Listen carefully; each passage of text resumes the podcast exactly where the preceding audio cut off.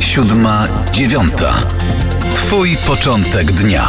Do ósmej pozostały jeszcze 22 minuty. Przy telefonie z ja na gościa e, pani dr Beata Górka-Winter, Centrum Europejskie Uniwersytetu Warszawskiego. Dzień dobry. Dzień dobry Państwu.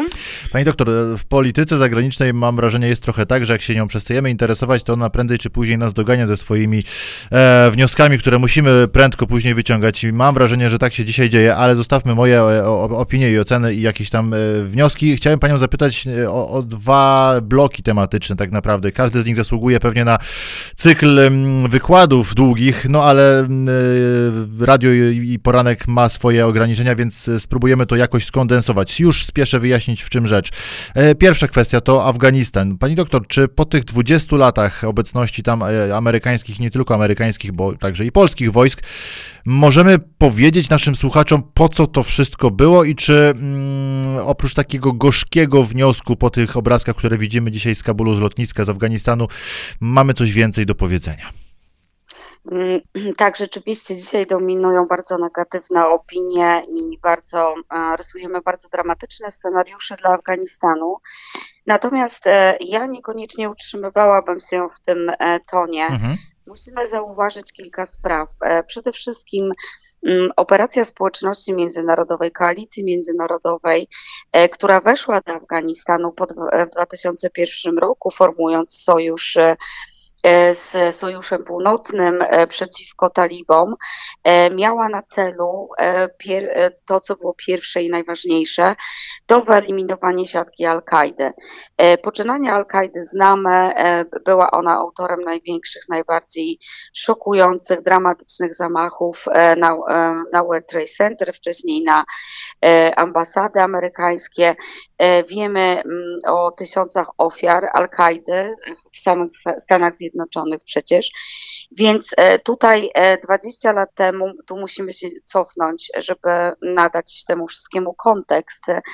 E, wtedy nie mogliśmy jako społeczność międzynarodowa zachodnia pozostawić tego bez odpowiedzi. Gdyby Amerykanie wraz z sojusznikami nie weszli do Afganistanu i nie rozpoczęli bardzo szeroko zakrojonej kampanii zwalczania Al-Kaidy, nie tylko zresztą w samym Afganistanie, e, nie wiadomo, co by było później. Nie wiadomo, proszę zauważyć, że przez ostatnie dwie dekady nie mieliśmy aż takiej skali zamachu, jaki wydarzył się e, równo 20 lat temu. Więc patrząc chociażby na misję afgańską w tym kontekście, E, musimy powiedzieć, że cele tej operacji antyterrorystycznej zostały e, osiągnięte.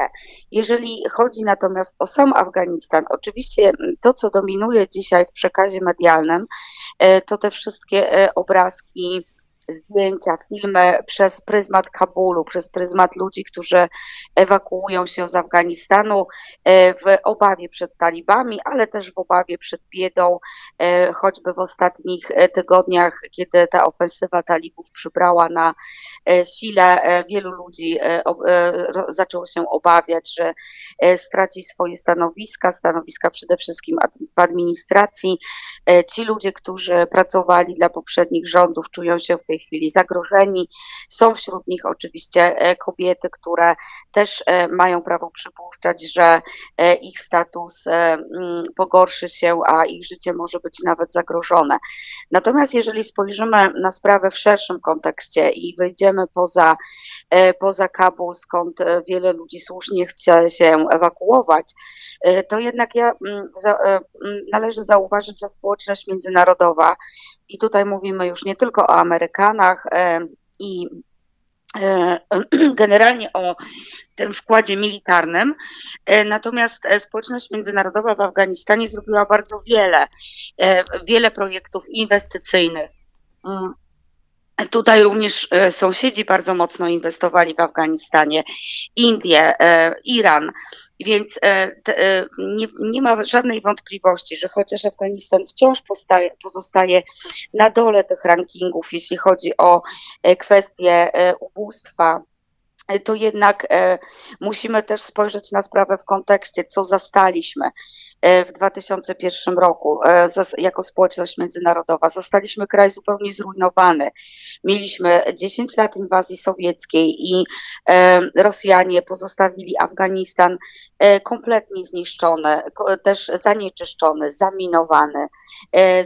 Zniszczono całą infrastrukturę irygacyjną, która pomagała nawadniać po pola e, w, na obszarze, gdzie naprawdę jest e, bardzo sucho, są to regiony górskie, przecież e, tej ziemi takiej uprawnej nie ma wiele, której nie trzeba by było wspomagać, więc tutaj bardzo dużo inwestycji dla kraju, który po inwazji sowieckiej jeszcze mierzył się z wojną domową pomiędzy kolejnymi warlordami, potem jeszcze zarządów talibów, którzy też e, nie mieli ani wiedzy, ani instrumentów, ani też e, odpowiedniego wsparcia z zewnątrz, e, by ten kraj podnieść. Więc dzisiaj bardzo wielu ekspertów podkreśla, że talibowie wchodzą na, w zupełnie inne warunki, w zupełnie inną rzeczywistość. No właśnie, pani doktor, wejdę, wejdę, w słowo, bo też słuchałem wczoraj, słuchałem wczoraj ambasadora Afganistanu w Polsce w, w, w, rozmowie z Polsatem i on tam przekonywał właśnie, że,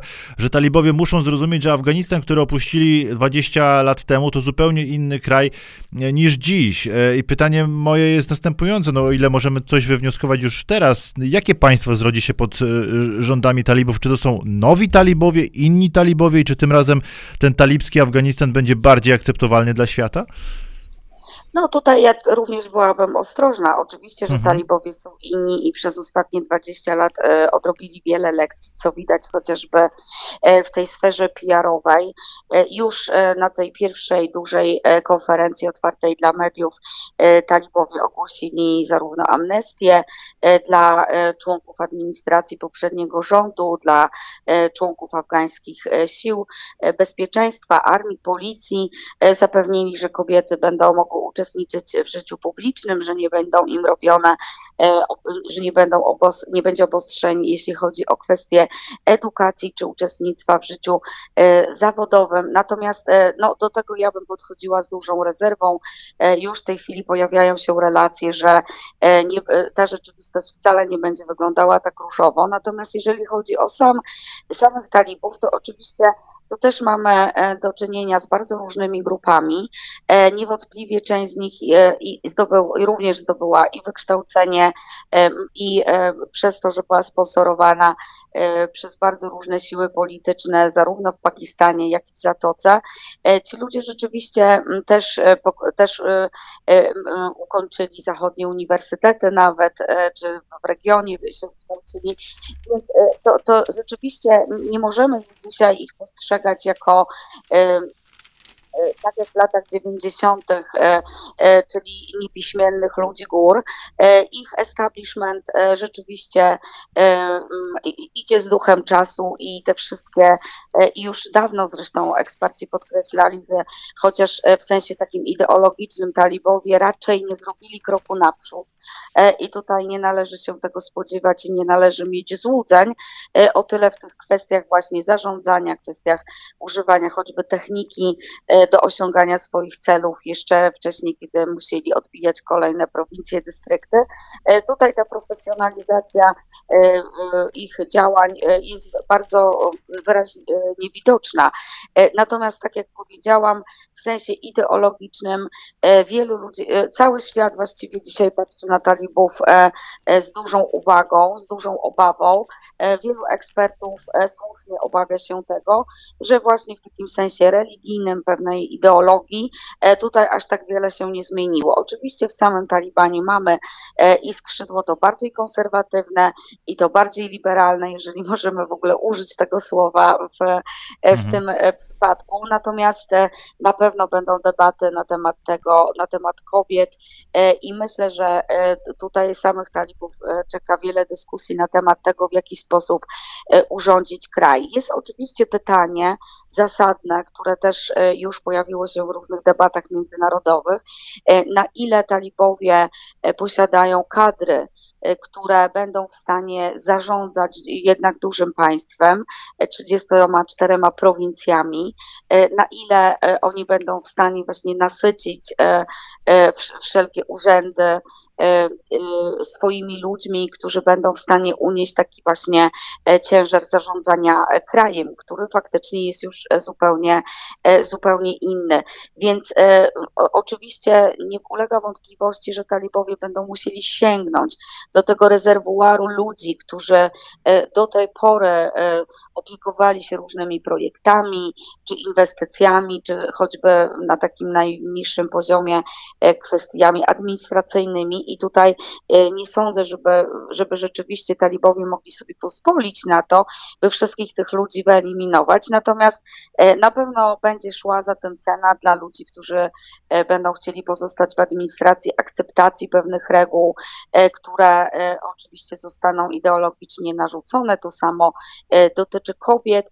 I tutaj, jeżeli chodzi o kobiety, mm, też mało się o tym mówi, e, ponieważ e, e, umknął nam fakt, jako że społeczność międzynarodowa w ciągu tych ostatnich lat skupiona była głównie na kwestiach, na tym wymiarze militarnym, na tym, ile prowincji talibowie atakują, jak idą walki zbrojne. Natomiast w cieniu tego nie zauważyliśmy szerzej, że talibowie naprawdę wykonali ogromną pracę E, e, mającą na celu pozyskanie sobie sympatii e, właśnie z własnego społeczeństwa. Tak, talibowie przecież nie są czymś z zewnątrz, wywodzą się z klanów pusztuńskich. I teraz, jeśli na przykład pytamy o potencjalny udział kobiet w życiu publicznym, w życiu społecznym, to ja chciałabym zauważyć, że na przykład od wielu lat w prowincji Kunduz działa, e, działała duża szkoła koraniczna dla dziewcząt e, i przez wiele lat talibowie byli w stanie e, wychować sobie, jeśli możemy tak powiedzieć, kobiety, które będą ich wspierały dzisiaj w życiu publicznym, które są w stanie pełnić rolę takiego no, nadzorcy ideologicznego e, w różnych e, urzędach czy w mediach, więc e, te kobiety, te dziewczynki właściwie, bo edukacja w tej szkole zaczyna się od najmłodszych lat i wielu rodziców e, e, zapisywało do tych szkół, e, które zresztą ta madrasa w Kunduz była, jest najbardziej znana, natomiast i ona w ogóle nie była zarejestrowana oficjalnie w tym systemie edukacyjnym w Afganistanie, natomiast sieć tych szkół powstała wszędzie tam, gdzie było na to zapotrzebowanie. Krótko mówiąc, jakieś tam kadry talibowie mają także, na, także, także wśród kobiet. Kadry kobiece, więc, więc ja nie ulega, więc E, nawet jeżeli sami talibowie własnymi rękami, tak, mężczyźni nie będą jakoś e, otwarcie prześladować kobiet i też oni zdają sobie sprawę, że oczy społeczności międzynarodowej są dzisiaj zwrócone e, na nich. To jeszcze jeden wątek, pani doktor, bo czas nas goni. Chciałem jeszcze dopytać o, o, o kwestię tego, jak cała ta sytuacja, dramat na lotnisku i, i, i ewentualne, mm, ewentualny rozwój mm, rządów talibów w Afganistanie przełoży się na napływ imigrantów i uchodźców do Europy, e, także właśnie z Afganistanu. Abstrahując na chwilę od samego e, Łukaszenki i Białorusi, tego co, jak, jak on tu wykorzystuje całą tę sytuację, to czy możemy spodziewać się no, dużej liczby osób, które po przejęciu władzy przez talibów będą uciekać już nie tylko z tymi eskortowanymi samolotami e, polskimi, amerykańskimi, niemieckimi, ale i po prostu gdzieś tam przez granice innych państw? E, tak, tutaj możemy, musimy też rozróżnić krótką i długą e, perspektywę. E, I teraz w krótkiej perspektywie naturalnie ci wszyscy ludzie, którzy nie uwierzyli zapewnieniom talibów lub znacząco pogorszył się ich byt w ciągu ostatnich miesięcy czy tygodni, bo ja przypomnę, że to nie jest tylko kwestia zmiany władzy, to jest też kwestia COVID-u, z którym przecież walczymy już od tylu miesięcy i bardzo wiele osób również na skutek tego utraciło opuściło swoje źródła zarobkowania. W Afganistanie mamy też do czynienia z suszą, więc już wiele ludzi, około 3 milionów ludzi, ostatnio do tego doszło prawie pół miliona, w samym Afganistanie opuściło swoje domostwa. To jest tak zwany internal displacement, czyli osoby, które przemieściły się wewnątrz kraju, więc to już jest ogromna liczba. Zresztą z uchodźcami z Afganistanu mamy do czynienia od lat 80. Jesteśmy niejako jak społeczność międzynarodowa, mówiąc nieładnie, jest przyzwyczajona do tego, że bardzo duże masy Afgańczyków opuszczają swój kraj. To są oczywiście kraje sąsiadujące, które przyjmują największe masy zazwyczaj z uchodźców z Afganistanu. To jest Iran, to, to jest Pakistan. Potem za pierwszych rządów talibów mieliśmy do czynienia z kolejnym odpływem i w trakcie wojny domowej. Potem przez cały okres interwencji społeczności międzynarodowej też Afgańczycy, ci, którzy mogli, ci, których było na to stać, starali się opuścić kraj, ci, którzy uznali, że po prostu no już mają dosyć działań zbrojnych, tak de facto, które toczą się na, przez, przez tyle dekad, więc w tej krótkiej perspektywie nadal będziemy mieli z, do czynienia z bardzo silnym odpływem ludzi, odpływem elit. Natomiast w dłuższej perspektywie, jeżeli talibowie pokażą światu, że są w stanie zarządzać krajem tak, byśmy nie widzieli takich obrazków, tak dramatycznych relacji, jak, jakie były udziałem ich rządów w latach 90., kary fizyczne, amputacje, coś, na co świat między, znaczy społeczność międzynarodowa nie może się zgodzić jako, e, e, jako cywilizacja, tak? Jeżeli e, talibowie będą spełniać, powiedziałabym, pewne standardy cywilizacyjne, to powoli te wszystkie środki, które dzisiaj zostały zamrożone, bo przypomnę, że Międzynarodowy Fundusz Walutowy, donatorzy indywidualni, tacy jak, tak jak Niemcy na przykład, zamroziły ten inflow funduszy międzynarodowych e, i, czeka, i w tej chwili mamy taki stan wyczekiwania e, społeczności międzynarodowej, w jaki sposób talibowie będą sobie dalej w Afganistanie poczynać. Jeżeli nie popełnią jakiegoś drastycznego, dramatycznego błędu, to e, chociażby z powodów humanitarnych ta pomoc zostanie odblokowana. I jeżeli talibowie nie będą prześladować swoich własnych obywateli, jeżeli poczują się oni bezpiecznie w swoim państwie i, i też te wszystkie osoby, które dotychczas pracowały w administracji, będą mogły tam wrócić. I jeżeli uda się talibom zapewnić względny spokój i też jakiś byt ekonomiczny, to oczywiście w dłuższej perspektywie może, ta, te trendy, ten bardzo dramatyczny trend emigracyjny może się osłabić. Natomiast no, tutaj trudno prognozować, ponieważ tak naprawdę nie wiemy, co będzie za kilka tygodni. Nie wiemy, czy e, siły Sojuszu Północno, Północnego, które w tym momencie e, dają znać, że się e, organizują w Dolinie Panshiru, czy rzeczywiście nie wybuchnie tam jakaś kolejna rebelia, która też będzie skutkować kolejnymi, kolejną niestabilnością. Także tutaj, żeby prognozować ten długoterminowy trend, musimy niestety bacznie obserwować. Na pewno, na pewno będziemy to robić, a teraz musimy postawić postawić kropkę, pani doktor, bo czas nas dogonił. Pani doktor Beata Górka-Winter, Uniwersytet Warszawski. Dziękuję pięknie, dobrego dnia życzymy. Dziękuję bardzo, do usłyszenia. Siódma, dziewiąta. Twój początek dnia.